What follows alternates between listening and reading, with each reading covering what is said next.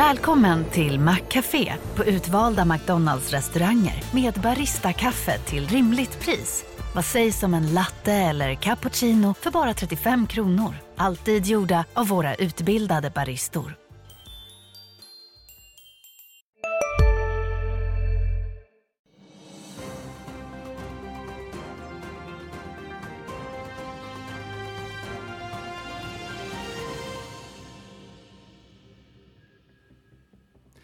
Det är tisdag, vi kör en liten specialare här i studion. Vi noterar också sjunkande börser i Asien och den 5 september läser vi i kalendern. Detta är Börsmorgon, eller företagsobligationsmorgon eller kreditmorgon kanske vi ska kalla oss idag. Lite börs blir det i alla fall. Sectra har rapporterat. Vi har med oss VD alldeles strax. Vi noterar DIs granskning av Heimstaden. Vi ska snacka lite fastigheter eftersom vi ska snacka krediter eller obligationer tillsammans med Louis Landeman på Danske Bank och Katarina Ponsback Karlsson, förvaltare på Lannebo. Väldigt roligt att ha er här. Hoppas att vi kan få tittarna att förstå kreditmarknaden, alltså företagsobligationsmarknaden överlag. Hur mår den idag? Ja, men jag skulle säga att den mår ganska bra. Ehm, vi gynnas ju av att eh, räntan har gått upp även om det är tråkigt när man ska betala sina bolån så betyder det att man faktiskt får mer ränta på sitt eh, sparande. Hur mycket får jag hos dina fonder just nu? Ja, men vi har ju tre olika alternativ med olika riskprofil. Eh, så vårt alternativ med minst risk som är en investment grade-fond den får du ungefär 5 i och eh, om vi går ut på riskskalan bort till vår high yield-fond så får man ungefär 8,5 i förräntningstakt. Då. Det är ju inte en garanterad avkastning, nej, nej. men en förräntningstakt. Men en förräntningstakt. Din bild av marknadens hälsa just nu? Mm, ja, men jag håller med, den mår bra. Det som är kul är ju precis som det visar sig när du nämner de här siffrorna att nu får man egentligen bra betalt för att vara, när man är obligationsinvesterare mm. och så har det inte varit på ett antal år. Så att nu är ju obligationer ett konkurrenskraftigt alternativ till aktier faktiskt, på allvar. Det händer en del på marknaden. Mm. Bra saker och dåliga saker. Jag noterade att något som heter Yrkesakademin verkar ha gjort en så kallad default, alltså när man inte betalar mm. på, på något sätt. Eh, någon reflektion kring, kring det? Ser vi mer av bolag mm. som har problem? Du får börja. Mm. Nej, men jag tänker att eh, vi är väl ändå på väg in i någon form av kanske lite svagare ja. konjunktur. Och eh, de här high yield-bolagen är ju bolag som eh, liksom står kanske lite sämre rustade. Eh, och eh, jag tror att vi kommer att få se en ökad andel defaults eller bolag med problem. Så för att vara extra övertydlig, high yield är alltså bolag med högre risk. Du nämnde mm, olika typer av avkastning. Vill du ha hög avkastning får du högre risk. Då får man leva med ja, eh, defaults. Som mm. ni två i princip jobbar med att undvika ja, eftersom ni bara precis. investerar i... Det är målsättningen, ja. exakt. Ja. På plus, Nej, men, precis, intressant nog. Det har inte varit så mycket såna här konkurser än ju. Men man får väl också tänka med de här högre räntorna. Det är väl det som är det svåra här mm. med hela ekonomin. Det tar ett tag. Och de höga räntorna biter ju. Och eh, ja, vissa affärsmodeller kanske inte funkar i den här nya miljön. Så vi kommer nog få se fler konkurser tyvärr. Apropå höga räntor så bedömer Danske Bank, dock inte Louis gäng på kreditsidan utan makroanalytikerna bedömer att svensk ekonomi står och stampar och räknar med nolltillväxt i år. Vi ser räntesänkningar från och med aprilmötet nästa år då inflationen börjar bedöms ligga nära målet. Det här säger Micke Gran, chefsekonom och förstås eh, kär vän här i studion. Kan vi nämna också en eh, debattartikel i dagens. igår snackade vi om DN Debatt eh, och idag är det några illustra människor i DI Debatt som alltid landar i samma kritik. Att Riksbanken har misslyckats för kronan är, är svag.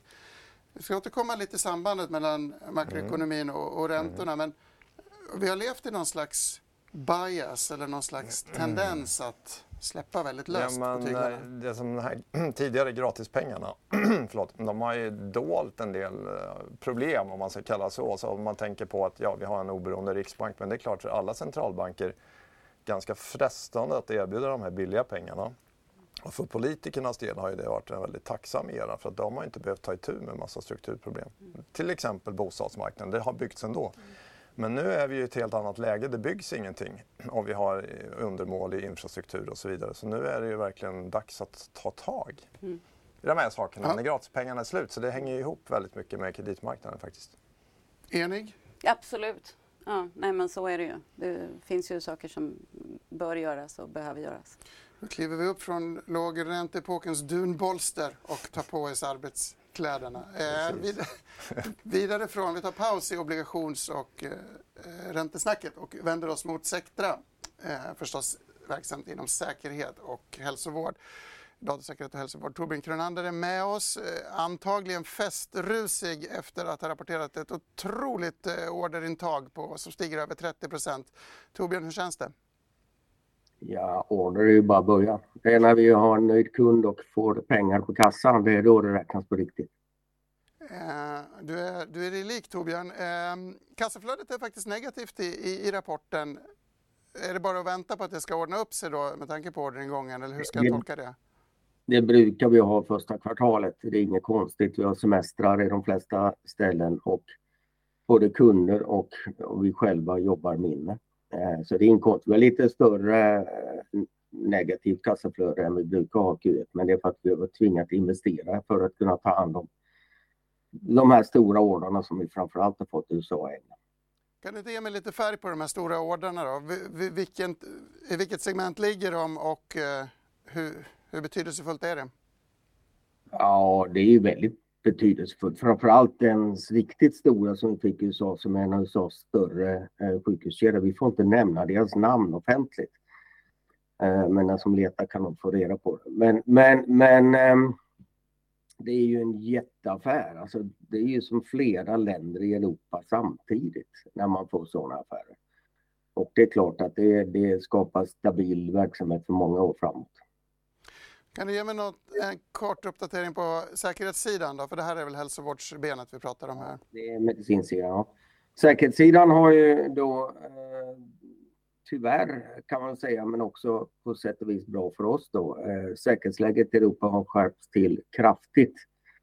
Och det gör ju det att våra kunder har blivit mer måna om att få löst eh, att inte kunna bli avlyssnad och det påverkar oss direkt. Och sen har vi en ny ledning som har gjort ett jättebra eh, jobb i communications som gör att vi börjar få se ljuset till tunneln där på riktigt nu. Vi kör ett obligationsspecial här i programmet idag. Men Sectra har inga krediter utstående va? Nej, vi har ingenting. Eh, vi, vi har en väldigt stark kassa. Så vi har inlåning istället. Men nu har vi ju förvärvat det hus vi sitter här i Linköping. Vi fick en möjlighet att göra det och då satt vi lite pengar. Mm. Något annat du vill berätta om innan vi tackar för kaffet Torbjörn? Nej, vi kämpar vidare så ja. får vi se. Fortsätt med det. Alltid roligt att ha dig med. Torbjörn Kronander förstås, eh, VD för Sectra. Eh, här är det en ovanlig VD som alltid säger att eh, vi ska strunta i innevarande kvartalssiffror och se den långa bilden. Lite så som ni jobbar på obligationssidan. Ja, men absolut. Om man jämför oss med, med kanske aktiefonder eller folket så det, tittar de mer på, på kvartalsrapporter. Vi läser ju naturligtvis kvartalsrapporter men eh, när det går, om allting går som planerat så ska inte en kvartalsrapport ändra vår syn på bolaget. Utan vi är ju in for the long run och de ska bara kunna betala sina räntor och liksom tillbaka obligationerna. Ja, nu blir jag otroligt eh, basal igen men när man tecknar en obligation så vill du inte att den ska gå upp eller ner som aktien ska göra utan den ska ligga platt och din ja. analys handlar om att bolaget inte ska gå i konkurs. Lite Nej, men precis. Alltså, vår risk är ju på nedsidan som man säger att eh, har vi lånat ut pengar till ett bolag på en överenskommen ränta så kommer vi aldrig få mer. Även om bolaget går fantastiskt bra så får vi inte mer än de där 5 procenten mm. eller vad vi har kommit överens om. Eh, så vi är mer oroliga för att vi inte ska få dem. Så är det. Vill du flika in? Du är faktiskt analyschef. Nej, men jag tror att väldigt mycket handlar om kanske att väl, inte välja rätt, men att välja bort mm. rätt. Mm. Uh, därför att man får ju en bra och stabil avkastning, men om det går riktigt fel så kan man ju tappa mycket pengar och det är väl ofta det där som det handlar om att just vara, hitta Nej, men verkligen. Säga, negativ art tror jag det mm. kallas. Liksom. Mm. Ja. Är ni ett gäng pessimister och ni har ett annat fokus? På aktiesidan brukar man ju prata om att man, det lönar sig att vara optimistiskt född. Men ni, ni, Nej, men jag tror ska... att vi är kända för att vara lite tråkigare. Fokusera på riskerna. Mer, ja. fokus på nersidesscenarier, ja, så, så, kan man ja. säga. Jag tycker det verkar ganska trevligt ändå. Ja. Eh, faktiskt. Vi kan helt kort nämna lite PMI-data som trillat in i, under natten. Eh, Caixin, Kinas, eh, Caixin PMI från Kina ursäkta, låg på 51,8 mot väntade 53,5. Detta är en nedgång från drygt 54. Här i Sverige fick vi tjänste-PMI som sjönk till 49 i augusti från reviderade 53,4. kanske ingen riktig kioskvältare, men under 50 det är väl ett tecken på det vi pratade om innan, att vi är in, på väg in i någon slags mjukare, mjukare, konjunktur, mjukare konjunktur på grund av högre räntor förstås delvis. Och vi har en mm. första bild som jag tänkte vi ska titta på som visar att när räntorna stiger i samhället där ute, då stiger också avkastning. Det är din bild så du får börja Louis. Vad tittar ja, på? Jag tänkte att vi skulle också försöka bena ut det här när man investerar i en företagsobligation som jag var inne på förut. Vad är det för olika delar? Och den, framförallt den, den vänstra bilden visar bara inflationsutvecklingen så det är väl inget nytt så för de flesta. Men om man tittar på den högra så är det de här underliggande, vi säger referensräntorna. Vad är det? Ja, men någonting som är ganska riskfritt och som bolag sen får betala en extra premie mot. Och då ser man att det här ganska riskfria har gått från nästan noll upp till mellan 3 och 4 procent nu. Då. Så det är den underliggande räntan och det här får man ju på eh, någonting med väldigt, väldigt hög kreditkvalitet, typ någon form av bankrisk om man säger så. Sen så betalar bolagen lite extra. Mm. Så, men bra att se på den när vi kommer tillbaka och pratar om fastighetsbolagen till exempel. Om vi, nästa bild visar ju lagren vi lägger på den här mm, tårtan. Alltså, dels så är det eh, statspappersräntan eller den riskfria räntan. Dels så tillkommer det den bolagsspecifika risken antar jag? Ja men exakt. Eh, så att, ehm, eh, jag ska se om den här bilden kommer upp. Den kommer snart men, där. där. Eh, så det här, vi har tagit utgångspunkt 2019 för då var både de, de här eh, grundräntorna väldigt mm. pressade men också det vi kallar för kreditspread som egentligen är med mer svenska kanske ett kreditpåslag. Mm. Och ett kreditpåslag det blir ju större om du har ett bolag med högre risk och eh, mindre om du har ett bolag med lägre risk. Och om vi tittar på den här eh, grafen, den är ju, det är ju väldigt mycket information men jag ska försöka bena ut det. Så det första är liksom eh, statsobligation fem år. Den var eh, negativ 2019. Nu är den ungefär eh, knappt 3% De två staplarna ja, längst till vänster? Precis, alltså. längst till vänster. Ja, så att du, du har gått från att få betala för att låna ut pengar till mm. staten på fem år till att du faktiskt får 3% Så det är den här mm. grundräntan. Eh, om vi sen då investerar i en, en, företagsobligation och då har jag tagit till exempel Castellum som ja. exempel. Eh, och Castellum är ett fastighetsbolag. De har ju, eh, det kommer vi prata mer om sen, mm. men de har ju eh, utmaningar nu med de här stigande eh, finansieringskostnaderna. Så Castellum 2019, då fick du först en negativ eh, ränta och sen ett litet kreditpåslag, kanske eh, 100 punkter, det vill säga 1 procent. Medan nu så börjar vi med, med Stibor som är över 4% och sen så lägger vi på ett kreditpåslag som är kanske också ungefär mm. 4% Det här blir lite schematiskt för de har inte printat på fem år. Men så att plötsligt får vi kanske 8% av att låna ut pengar till Castellum Eh, och sen tog jag med Volvo för att Volvo har ju lägre risk än Castellum framförallt i det här läget. Ja. Och där ser man att kreditpåslaget har inte ökat lika mycket för Volvo alltså som för blåa, Castellum. Blåa, den lite ljusare blå som ligger på toppen. Är mindre helt enkelt. Ja. Mindre risk, mindre riskpåslag och Exakt. extremfallet Intrum till höger. Ja, Intrum är ju ett high yield-bolag mm. det här med högre risk och där har ju eh, räntan, den underliggande räntan gått lika mycket men du får ett betydligt högre kreditpåslag. Så då får man ju plötsligt en avkastning över 10 procent. Och den som tittar och vill, tycker wow, 10% intrum. Hur mycket måste jag investera för att kunna köpa en obligation direkt, alltså inte via fond? Snackar vi en miljon ungefär? Ja, eller? oftast så är ju en, en nominalen 1,25 miljoner mm. eller 2 miljoner på svensk marknad. Så att du behöver ju mycket pengar. Därför mycket kan pengar. ju fond vara ett enklare alternativ. Då Eller får du en riskspridning. Småspararen även ja, fonden. Exakt kanske realistiskt alternativ. Eh, men, ja, ja, mer realistiskt, men ändå, eh, jag kan tänka mig att många det är ett sätt att ta bolagsrisk på ett, på ett mm. spännande sätt. Och om vi får sjunkande räntor så kommer värderingarna mm. att stiga om man nu tror på mm. det längre fram. Ja, eh, det där är ju också, vi som investerar i rörlig ränta, det här är också ett begrepp som vi måste mm. gå igenom lite. Men på svensk marknad så investerar vi oftast i obligationer med rörlig ränta. Eh, FRN kallas det. FRN kallas det. Och det funkar ju egentligen precis som våra bolån. Att var tredje månad sätts räntan om. Så att, vilket gör att i den här uppåtgående, när räntorna har ökat så har avkastningen på våra obligationer också ökat. För att var tredje månad så har räntan satts upp med den nya högre räntan. Hamnar vi i ett scenario att, de går, eh, att räntorna faller tillbaka då kommer vi ju hänga med på vägen ner också. Mm. Så är det. Mycket bra. Vi fortsätter obligationssnacket alldeles strax. Jag vill bara notera i nyhetsflödet att Ram One går i graven. Legendarisk hedgefond förstås här i Sverige med bland annat Sven Nyman i spetsen. Detta skriver vi om i dagens Dagens Industri. I övrigt är det väldigt tunt på nyhetsfronten vilket passar bra nu när vi nischar in oss lite grann. Enquest lämnar Stockholmsbörsen kvar i London medan Betsson lanserar online i Serbien. Med det närmar vi oss eh, klockan 09.00. Börsen är på väg att öppna och vi växlar över till Studio 2.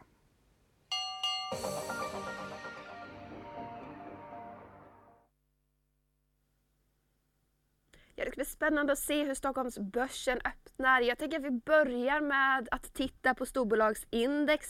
Så ser vi att i toppen så har vi Boliden och Getinge. I botten däremot så har vi Nibe och Sinch.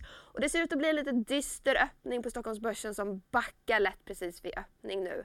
Men vi har ju lite rapporter en rapport i alla fall att ta igenom. Medicinteknik och cybersäkerhetsföretaget Sectra rapporterade ju idag och precis vid börsöppning så backar de en halv procent på rapporten. Och bolagen rapporterade ju historiskt hög orderingång men rörelsemarginalen sjönk något och är klart under ambitionen på 15.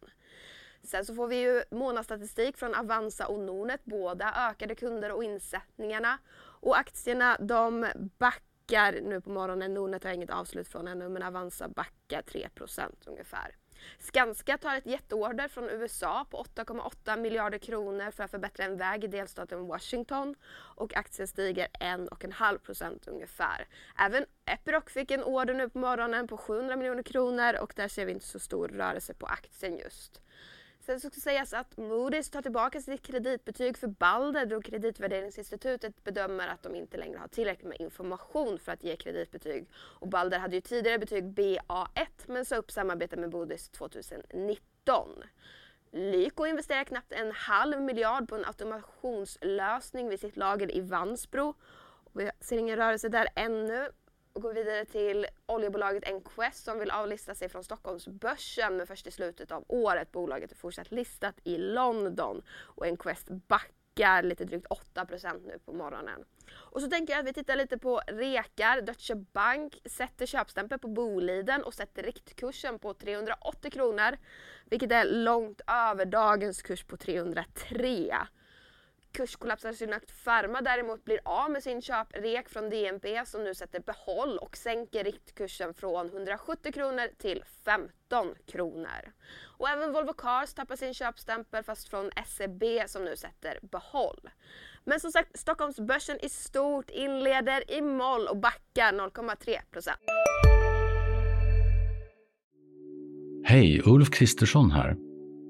På många sätt är det en mörk tid vi lever i. Men nu tar vi ett stort steg för att göra Sverige till en tryggare och säkrare plats. Sverige är nu medlem i Nato. En för alla, alla för en. Har du också valt att bli egen? Då är det viktigt att skaffa en bra företagsförsäkring. Hos oss är alla småföretag stora och inga frågor för små. Swedeas företagsförsäkring är anpassad för mindre företag och täcker även sånt som din hemförsäkring inte täcker. Gå in på swedea.se företag och jämför själv.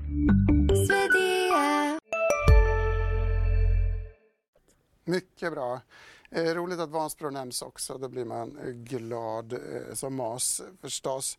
Eh, Lite, lite obligations... Jag stod och läste Kreditvärlden, eh, min, min nyhetskälla i, i obligationsträsket. Corem Kelly, alltså en del av Rutgers Corem mm. konglomerat, har köpt tillbaka obligationer. Vad innebär det? Ja, för detta, precis, för detta Klövern. De återbetalade resterande belopp på en obligation som förfall förfallit. Så nej, men det är jättebra. De har ju betat av sina förfall hittills i år och gjort eh, på ett väldigt bra vis och sålt väldigt mycket fastigheter, vissa med rabatter, men allt för att få loss pengar. Och många fastighetsbolag är ju mer defensiva och jobbar med sina förfall eftersom man mm. ju måste det. Men om man då är obligationsinvesterare så är det ju ganska bra att bolagen nu fokuserar mer på, på kreditinvesterarna och kanske lite mindre på aktieägarvärden som det var tidigare. Då var det ju omvänt. Alltså, det låter ju som att man som aktieinvesterare borde hålla koll på kreditsidan också om man verkligen vill se hur, hur, hur bra ett fastighetsbolag mår, särskilt i den här sidan. Ja, och det blir väl tydligt i sådana här tider att liksom, eh, vi kanske kommer in på det med bolagsordningen, att det finns en viss prioritetsordning om ett bolag skulle gå in i en konkurs till exempel. Och då är ju aktieägarna är ju sist och det är det kanske man inte tänker på som aktieägare, att det finns andra som står före mig i kön. Mm. Men när bolag får problem så blir det ju det blir mer uppenbart.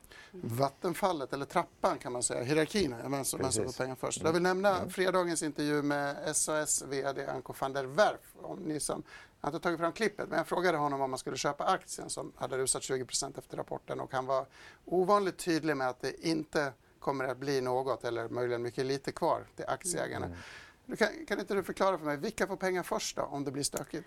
Ja, eh om du har eh, banklån, vi kan ta ett fastighetsbolag, det är ganska mm. enkelt. Eh, bank, eh, då har ju fastighetsbolagen oftast bank som har säkerhet i själva fastigheterna.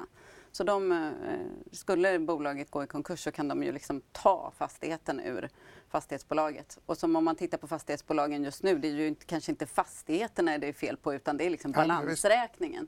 Så, så jag, ganska bra tillgångar helt enkelt? Ja, ja, jag tror ju att bankerna sitter ganska bra i det här. Och sen så ovanpå det så ligger liksom eh, vi obligationsinvesterare eh, som ett lager. Och sen kommer liksom aktieägarna. Så blir det någonting över, då får vi det. Och blir det någonting över när alla våra skulder är betalda, då får aktieägarna mm. det. Eh, och sen så är det ju skillnad om man är säkerställd och bank är ju typiskt säkerställd i, i fastigheterna när vi pratar fastighetsbolag. Men vi kan ju vara säkerställda. I, tittar vi på high yield-obligationer så är det ganska vanligt att, att vi som obligationsinvesterare är säkerställda. Men då kanske vi är säkerställda i aktiepant. Men det betyder att vi kan att ta bolaget från aktieägaren om de inte sköter sig. Så, att, så det, och det är ju liksom kanske framförallt väldigt bra i ett förhandlingsläge mm. att vi har den möjligheten.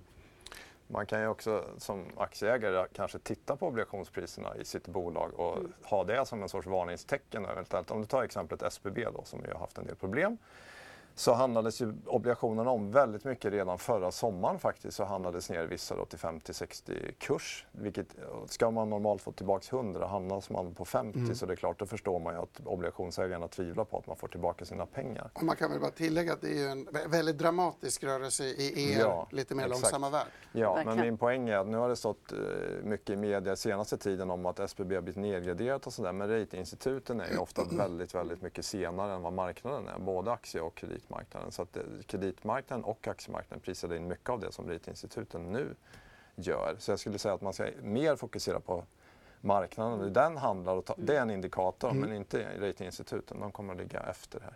Smartisarna på kreditmarknaden ligger först och småspararna ibland tyvärr eh, lite efteråt.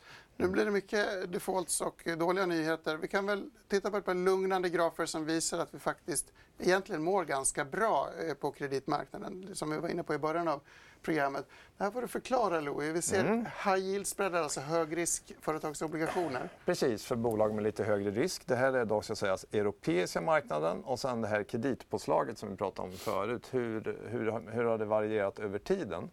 Och då så ser vi ju där vi är nu, 2023, så ligger vi precis, precis på den här långsiktiga genomsnittslinjen. Så det här visar också på, titta på tidigare coronakrisen, titta tillbaka på eurokrisen så var det ju mycket, mycket högre nivåer. Eh, så att egentligen är kreditspreadarna inte speciellt höga. Så det negativa här skulle kunna vara att om det blir en allvarlig lågkonjunktur då kan den här kreditspreaden gå ut väldigt mycket mer.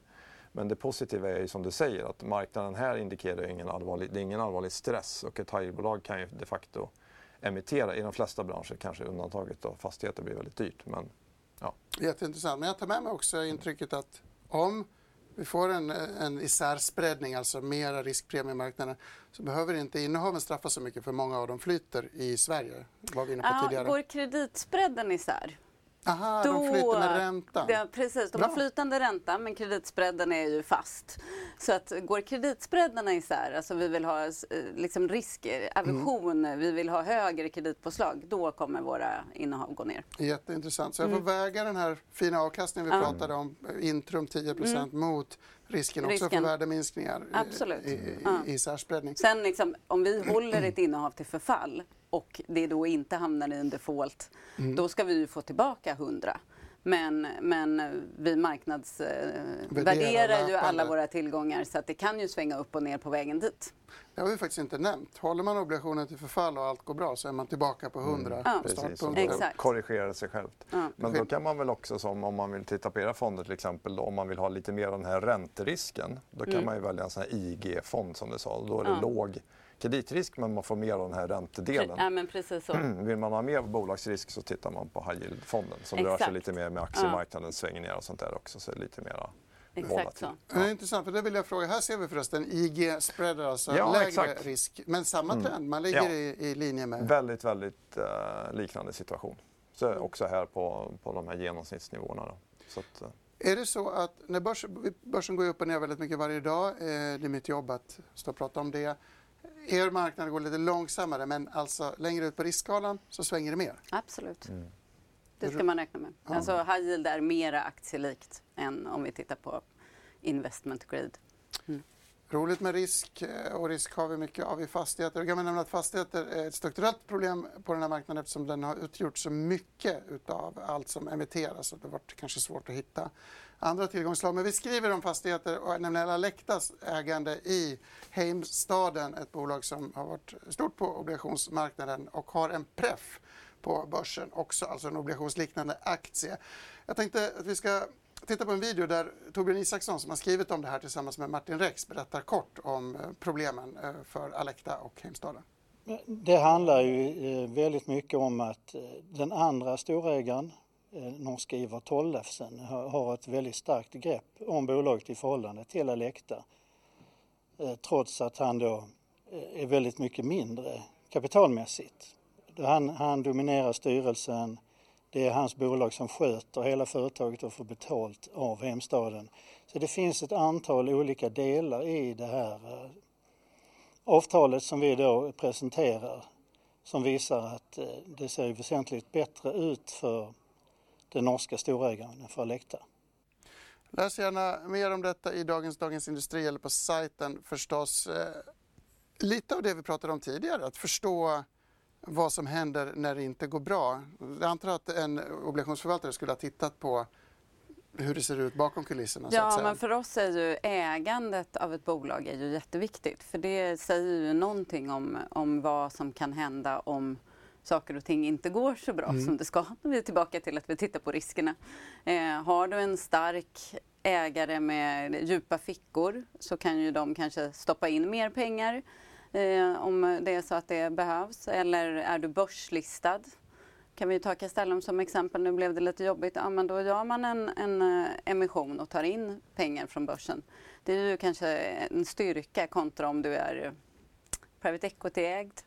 Då är det inte lika uppenbart att, att eh, PE-firman, om det ser lite dåligt ut, att de stoppar in mer pengar. Sen finns det ju såklart skillnader där också. Men, så att ägande är ju en, en, en riskfaktor och den kan väga positivt eller negativt borde vara positivt att Alecta är en stark ägare till det här eh, väldigt högt skuldsatta bolaget. Mm. Eh, bra att Castellum, vi har nämnt Castellum i dagarna som en föråkare kan man väl säga, ett fastighetsbolag mm. som faktiskt ställde ut en obligation. Mm. Hur mycket fick de betala? De fick betala en sån här spread på lite, två, lite över 200 punkter men räknat om då till ränta så blir det lite över 6 procent. Det är väl ändå ganska bra kan man tycka och de har gjort den här stora aktieemissionen och stärkt sin balansräkning då. och väldigt kul att se att man nu har kommit ner, för som vi såg de här kreditspreadarna då är nu nere på lite måttliga nivåer och då tycker äntligen bolaget att men nu kan vi också, det är kanske dyrt men vi, vi kan acceptera priset. För de, den här typen av bolag, Castellum, det var ju första gången på ett och ett halvt år ja. någonting som de varit ute på obligationsmarknaden. Och det här gör ju i sin tur att kanske lite fler bolag kan återigen börja låna lite pengar också på obligationsmarknaden.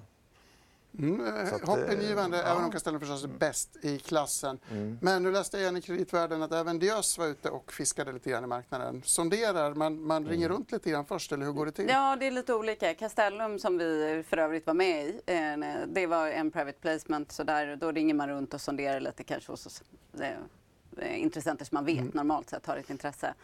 Diös går lite mera publikt och liksom presenterar en, en emission och sen så får man vara med om man vill. Vi tycker väldigt mycket om Knut Rost, så jag ska inte säga något elakt, men Diös har väl, om jag inte minns fel, ganska kort räntebindningstid och har en lite Ja. mer utmanande situation.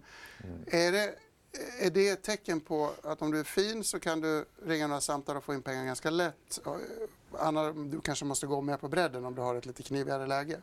Ja, det men, ja nej, men så kan man nog säga. Sen finns det ju alltid undantag men, men generellt så är det ju lättare för, för eh, ett fint Diös är ett fint bolag, jag beklagar Ja. formuleringen. Men det är ändå ett high yield-bolag i Ja. vår värld. Så att det, där har vi ju en skillnad mellan Castellum och Diös. Men verksamt i Mm. Dalarna, det ska, man, det ska man uppskatta. Hörrni, vi tittar på en bild på just fastighetssektorn där man skiljer agnarna från vetet, apropå det. Är, är, är Diös med i det gråa teamet här? Nej, det här är det faktiskt så att det här är eh, kreditspreadar för olika typer av bolag eh, i SEK och det som den eh, ljusgrå linjen som är, eh, har spreadat isär mest och liksom ligger högst det är då trippel B-ish segmentet och vad är det då? Ja men det är typiskt eh, Castellum, Balder, den typen av. Sen tror jag att eh, SBB fortfarande ligger med i den där så att den kanske Aha. blir lite eh, väl. Eh, men, men ser vi då, det jag egentligen vill ha sagt med den här det är ju att, att alla spreadar har gått isär om man jämför med 2019. Eh, och det var ju precis det som Louis också nämnde att liksom, eh, nu är, har vi kommit upp från de här väldigt pressade nivåerna till en mer kanske normaliserad nivå. Eh, men eh, de här trippel B-fastigheterna de har liksom spreadat isär mycket mer. Och det är ju ett tecken på att, att vi som kreditinvesterare är lite oroliga för, för fastighetssektorn. Men det görs, eh, de skulle ligga utanför det här. Men till och med kvalitetsfastigheter alltså har spreadat isär så pass mycket Ja. som vi ser. Det är ändå Ja. intressant. Blir man lite sugen då? Ja, det kan man ju bli. Men sen blir- blir är- blir liksom den stora frågan, är den här fastighetskrisen, om vi kallar det för det, är den över? Och det tror ju kanske inte vi. Därför att det man ska komma ihåg, de här högre räntorna feedar ju också in sen i bolagens värderingar av sina fastigheter. Och det är klart att även om du kan, nu kan låna lite enklare än för några månader sedan så blir det dyrt i förhållande till befintliga lån. Och det här måste man ju ta i beaktande eh, på kommande värderingar. Plus att vissa bolag är lite stressade och säljer till rabatter så det kommer ju också slå eh, negativt. Och vi har mycket förfall att hantera fortfarande. Så att jag, jag, tror, jag tror att man ska tänka att det här kommer pågå i flera år faktiskt, tyvärr. Och liksom ligga lite som en våt filt delvis över, över sektorn. Men sen kan man ju vara mer proaktiv som Castellum och göra en stor aktieemission och därmed kanske ta bort en del av den osäkerheten. Så, eh, väldigt intressant. Så tre, trots att man tror att ränteuppgången kanske börjar närma sig ett slut, det måste ju du säga eftersom din bank har, har sagt det, eh, så kan man räkna med någon slags lite stökigt efterspel där vi måste städa upp i Jo, branschen. men de här räntorna har ju inte slagit igenom än. Så det, det här måste man ju, och det gäller ju även för övrigt för konsumenter. Vi har inte sett den fulla effekten av de här högre räntorna. Plus att Riksbanken ändå ska höja någon mer gång. Så att någonstans när vi ser de här underliggande referensräntor på 3-4 procent och sen har vi ett fastighetsbolag som betalar 200-300 punkter till. Då är vi uppe på minst 6-7 procent. Och de lite svagare bolagen kanske uppåt lite tvåsiffrigt kan det ju vara. Och sen har vi deras fastigheter, många av bolagen avkastar ju mindre än vad man betalar i upplåning. Så någonstans den här balansen är ju inte heller... Och det innebär ju, ska du rätta till det här, apropå Heimstaden Bostad, det måste in mycket mer eget kapital. Mycket mer. Vill du flika in något där? Nej men jag håller med. Det är ju precis så. Att, eh, och det är ju, eh, anledningen till att vi gillar Castellum eh, så mycket är ju till exempel att de har varit liksom, lite snabba på bollen och, och eh, tagit lite jobbiga beslut men, men som ändå liksom, sätter dem i en bättre situation. Är det fortfarande stor skillnad i spread eller prissättning på svenska fastighetsbolag och eh, kontinentaleuropeiska? Det är ju också en utmanande situation i Europa och det finns bolag där också som är väldigt stressade. Vi har det här Adler Group till exempel, men d- dock är det ju så att den här fastighetssektorn är mycket större på vår marknad och en större del av ekonomin också. Så därmed att utländska investerare blir oroliga för Sverige kring att man ser de här siffrorna på skuldvolymer och annat. Så där sticker vi ut lite. Vi hade en bild, vi kan ta upp den igen. Vill du tillfoga något om Europa versus Sverige? Annars så tänkte jag... vi, går, vi, vi tar den här. Den här fladdrade förbi medan vi pratade. Ja. Jag antar att det är värderingar helt enkelt som har Ja, kommit ner. men precis. Det var en, från en ny fastighetsrapport som vi gjorde förra veckan och tittade på olika, lite olika saker. Och den här visar egentligen bara hur mycket har olika bolag i sektorn, som du ser, det är väldigt, väldigt många, kanske till och med de flesta bolagen.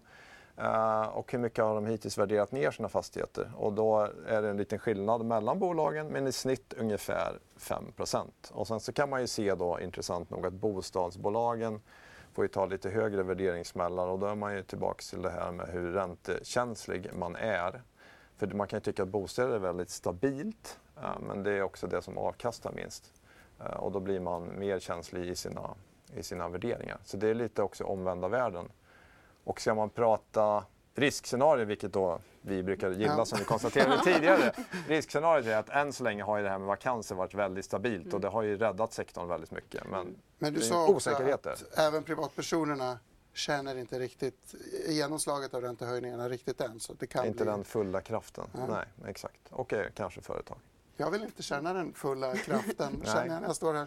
Jag vill nämna en annan intressant nyhet. Sofie nämnde det i Studio 2 nyss och vi ska snart gå dit för övrigt. Men Balder är ju ett intressant fall här. Köprek på aktien i studion igår, även om jag tycker att det är en av de lite mer riskablare mm. eh, anrättningarna på menyn. Moody's har dragit tillbaka sitt kreditbetyg. Det här var ett väldigt speciellt fall.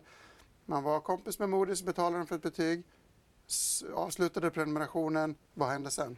Nej, men och Moody's fortsatte ju rita dem då. Jag tror att de eh, sedan 2019, om jag minns rätt, eh, så har det varit liksom unsolicited, som vi kallar det. Alltså, men ett betyg som Balder egentligen inte har efterfrågat. Eh, och eh, nu i våras så sänkte ju då Moody's Balder från att vara investment grade, alltså hög kreditvärdighet, ner till att bli high yield. I kontrast till S&P som är en annan ratingbyrå som eh, Balder använder för att eh, rita sig som hade kvar dem som investment grade. Så det här blev ju eh, det blev lite surt kan man väl säga mellan Balder och mm. Moody's och nu har mm. Moody's valt att dra tillbaka. Jag tror kanske inte att det kommer få jättestora effekter. Jag tror att det är ganska inprisat redan i Balder var de står eh, ratingmässigt. Är det en episk fight eller ja, stort drama? Lite så. Men det känns väl kanske skönt nu att då kanske respektive part kan gå vidare och fokusera på andra saker. Ja. Är det vanligt att man har jag antar att det är vanligt att man har mer än ett kreditbetyg och jag har förstått att det är lite skillnad i hur fina leverantörerna är. Mm. Är det vanligt att man eh, använder så kallad rating shopping, att man säger upp det som inte passar? Mm. Eller... Svaret är ja. Nej, men och även, speciellt kanske för bolag där, det där man lånar mycket och det här betyget betyder mycket så är det ju såklart att det är klart att man går runt och ser lite olika och testar var kan vi få det bästa betyget. Men det ska man också komma ihåg, för man ska säga så att ratinginstitutet ska vara en oberoende granskning, men de facto får de ju faktiskt betalt av bolagen. Så det är ju inte 100% oberoende i den bemärkelsen. Så det är bara någonting man ska ha med sig när man ser på deras antaganden och vad de kommer fram till. Att den, den aspekten ska man inte glömma bort.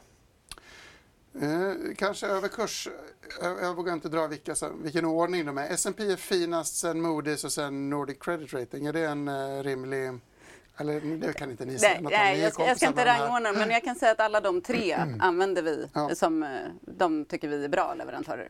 Och det är väl även kul kan jag tycka att vi har en nordisk leverantör ja. som kan liksom ge ett alternativ och, till de Och de är väldigt hjälpsamma. Jag tycker om dem för mm. man kan ringa och fråga och de vill gärna mm. berätta och mm. förklara. Mm. Eh, Scope då? Scope är dåliga, det kan vi väl slå fast i alla fall. Hörrni, nu går vi till eh, Studio 2, byter ämne när det blir obekvämt och eh, börs, börsen. Ja, det är inte fullt lika dystert här men surt fortsatt på Stockholmsbörsen som backar lite lätt. Och om vi tittar på storbolagsindex så ser vi att Boliden drar iväg rejält och är upp 3 efter att de har fått köpstämpel från Deutsche Bank. Och de sätter riktkursen på 380 kronor långt över dagens kurs på 304. Och så nämnde jag, om vi nej, fortsätter på storbolagsindex, så om vi tittar vidare på toppen så ser vi Nibe och Getinge medan vi i botten har Sinch och SBB. Och så nämnde jag ju nätbanken Avanza och Nordnet förut som båda kommer med månadssiffror. Båda bolagen adderade kunder under augusti. Avanza med knappt 11 000 och Nordnet med drygt 13 000. Båda har drygt 1,8 miljoner kunder och Avanza satsar ju här i Sverige medan Nordnet finns även hos våra nordiska grannar. Men det skiljer sig när det tittar på insättningarna. Avanzas nettoinflöde ökade med hela 122 procent jämfört med augusti i fjol, men ner över 20 procent jämfört med juli månad. Nordnet ökade däremot drygt 20% från vad vi såg i juli och i årstakt var tillväxten 45 Nordnet handlas idag upp 1,7 medan Avanza är den näst största förloraren på large cap idag. Och endast slagen av Sectra som släppte rapport idag. Bolaget rapporterade ju historiskt hög orderingång men rörelsemarginalen sjönk något och klart under ambitionen på 15. Och kassaflödet var också negativt så Sectra backar idag 7 Oljebolaget Enquest backar däremot tvåsiffrigt. De ska avlista sig från Stockholmsbörsen men först i slutet av året. Bolaget är fortsatt listat i London. Och det har också släppt rapport, både omsättning och resultat lägre än i fjol. Bättre ser det ut för Skanska som stiger 2,5% ungefär efter en jätteorder från USA på 8,8 miljarder kronor. Samtidigt har Danske Bank tagit upp bevakning med köpstämpel och en riktkurs på 200 kronor. Så tänker jag att vi tittar på lite fler rekar förutom Skanska och Boliden. Kurskollapsade Synax Pharma blir av med sin köprek från DNP som nu sett, DNB som nu sätter behåll. Och Volvo Cars tappar sin köpstämpel från SEB som nu sätter behåll. Och där har även en ledamot precis köpt aktier för 2,7 miljoner kronor. Och ni har ju pratat om fallande svensk tjänste-PMI. Det kom precis spanskt. Det föll också ner till 49. Och fler definitiva PMI under dagen. Men som sagt, Stockholmsbörsen, den är lite avvaktande men nu ser det lite ljusare ut. Inte så himla dystert ändå, förutom för Sectra som ju presenterade en kanonrapport. Alltid lite svårt att förstå det där bolaget dels vad de sysslar med, två helt olika grejer, men eh, dels hur man ska värdera aktien. Den är högt värderad och täcks av få analytiker. Men vi är ju team Torbjörn här i studion. Tillbaka till obligationssidan. Eh, jag vill nämna lägre volymer. Vi pratade ju om Castellum som ett mm. grönt skott kan man mm. säga i emissionssidan. Vi har en bild som visar på volymer i fastighets, eller i företag, inom företagsobligationer. Mm. Du får nästan berätta vad Jo, men det bör jag nog göra. Därför att till att börja med så ska man säga att 2023, det blir inte helt rättvisande att jämföra med tidigare år för att det är ju hittills i år och de andra åren är helår. Så det är inte så att volymen har fallit jämfört med i fjol utan faktum är att hela volymen för företagsobligationer i Sverige är ungefär oförändrad från förra året. Däremot mindre fastigheter, så det innebär också lite mer av annat. Mm. Så det är ju positivt att andra sektorer går ganska starkt. Men du kan ju se där som andel så har ju fastigheterna krympit ihop lite grann. Jag tror att vi är på dryga 20 miljarder hittills i år och förra året vid den här tiden var vi på 45. Och toppåret tror jag var 2021 som ett helår, då låg vi på 100. Så att lite mm. drygt 20 i år, 100. Det, ja, där, där har du liksom den magnituden. Men jag är förvånad, det har alltså kommit nya företagsobligationer alls i år. Det, storbolagen kan göra det, Volvo ja, kan liksom emittera. Boliden mm. som vi stod och pratade om här alldeles nyss till exempel, eller Nibe till exempel var ju ute typ 5 ränta. Mm. Det är väl ganska trevligt kan jag tycka själv för sådana bolag. Bara men, som exempel. Ja. Just det. Så kvalitetsindustrin har kunnat men fastighetsbolagen har inte kunnat Nej. förrän nu kanske? Eller kanske har kunnat men tyckt att det varit för dyrt kanske snarare ska sägas. Ja, det är Så nog kunnat bättre beskrivning. Ja. ja, mm, exakt. Mm, mm. Men ni har velat haft Vi mer än vad de har velat betala? Exakt ja. så. För ni vill ha mer än 10% från ett fastighetsbolag som är i lite sämre skick än just Castellum kanske? Ja, jo det blir ju det. Kan man tro, om vi går tillbaka till den här bilden snabbt, kan man tro att vi repar oss då? För nu verkar ju humöret ändå bli lite bättre, Louis, du som är analyschef mm. eh, till och med. Mm. Det tror jag nog att det kommer. Jag tror att vi kommer att komma in på ungefär den volymen där kring 150-ish som vi hade i fjol. Uh, faktiskt. Men lite mindre andel fastigheter och lite mindre andel av de här high yield-bolagen mm. också. Exakt. Men det är väl en okej siffra i sådana fall. Men färre fastigheter vore väl bra? Jag tycker att det är ett problem att det är så mycket fastigheter ja. i er värld. Ja, ja det är ju bättre för precis. diversifieringen. Ja, alltså, ja. vi, vi har ju inte velat ha 50% fastigheter i våra portföljer. Vi tycker att det är för mycket. Så då har vi få, haft en ja, varit ja, måste... underviktade eller vad man ska säga, fastigheter. Mm. Hur gör man då? Är ni nordiska eller kan man göra en vettig fond? Eh, vi, har lite, vi, har två fonder som är nordiska eh, och faktiskt också kan gå ut lite i Europa. Eh, och sen har vi en fond som är SEK-denominerad. Så att mm. det är lite olika mandat. Men precis, så det blir en anpassning där som du mm. säger själv. Med mindre obligationer, fastigheter så kommer man hitta en ny balans. Mm. Och sen kan man gå vidare. Men det tar ju ett tag eftersom det är ganska stora volymer. Och apropå att hitta balans och att gå vidare, vilket vi ska göra i programmet nu, genom att titta på dagens sista bild. Den handlar om stora volymer fastighetsobligationer som har emitterats tidigare men som kommer att gå ut.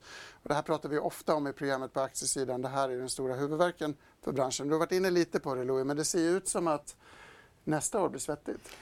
Ja, men så är det. Men det, var, det kunde man ha sagt om i år också mm. för ett år sedan så att säga. Och sen har bolagen faktiskt hanterat det ganska föredömligt. Då. Så som det, Klövern som vi nämnde tidigare? Ja, som Klövern eller ja, Balder mm. har ju i princip hanterat förfall för flera år framåt. Mm. Heimstaden som vi pratat om, Heimstaden Bostad då, till mm. exempel ett annat sådant bolag. Och även faktiskt SBB har ju jobbat med sina förfall. Så att i princip alla de större har ju det. Men då, det man ska komma ihåg, utan att gå in på för mycket detaljer, väldigt runda slängar så är det ungefär 100 miljarder per år uh, om man exkluderar de här högst, med högst kreditkvaliteter som, som är förfall att hantera. Och därav kommer det ta en del tid och det är också så att en ganska stor del av de här kommande förfallen är ju utanför Sverige. Så det är på euromarknaden, så det är europeiska investerare och det är klart att de är väl till viss del ganska njugga mot, mot svenska mm. fastigheter idag. Så att här är väl oklart hur kommer prisbilden att se ut där och vi har även det faktum att ECB faktiskt var med och stödköpte ganska mycket mm. av de här mm. emissionerna. Också rätt intressant. Så det är, de lär väl inte kanske köpa på samma vis framöver. Eller vad tror du? Stor köpare försvinner. Nej, de säger mm. att de inte ska mm. göra, om de inte ändrar sig. Centralbanken ändrar sig snabbt. Ja, ja. Det låter ju jobbigt. Jag som knappt, eh, knappt ens kan åka till Frankrike på semester för att valutan är så jobbig. Hur är det om man ställer ut en euroobligation som ska betala kupong på den som svensk? Det, då får man en mm. valutakyss emot sig. Va? Ja, men då kan du ju göra en valutasäkring då i och för sig om du vill. Så att... Det får vi göra ett annat program om hur man, ja. man valutasäkrar. Mm. Vad roligt att ni har varit här, eh, Katarina Ponsback Karlsson och Louis Landeman, förstås på förvaltare på Lannebo respektive analyschef på, hög analyschef på Danske Bank. Gabriel Mellqvist heter jag. Det här är mitt favoritämne. Jag vet att det är svårt att hänga med så jag är tacksam för att ni tittat ända hit om ni nu har det. Häng med oss igen imorgon. Då blir det mer konventionellt börs och aktiesnack. Vi har nu ska vi se, Mohamed Salih och Maria Landeborn här, en dansk kollega alltså. Och så kommer Clas Ohlson med rapport. 8.45 som vanligt med Center Börskoll klockan 14. Vi ses, ha det bra.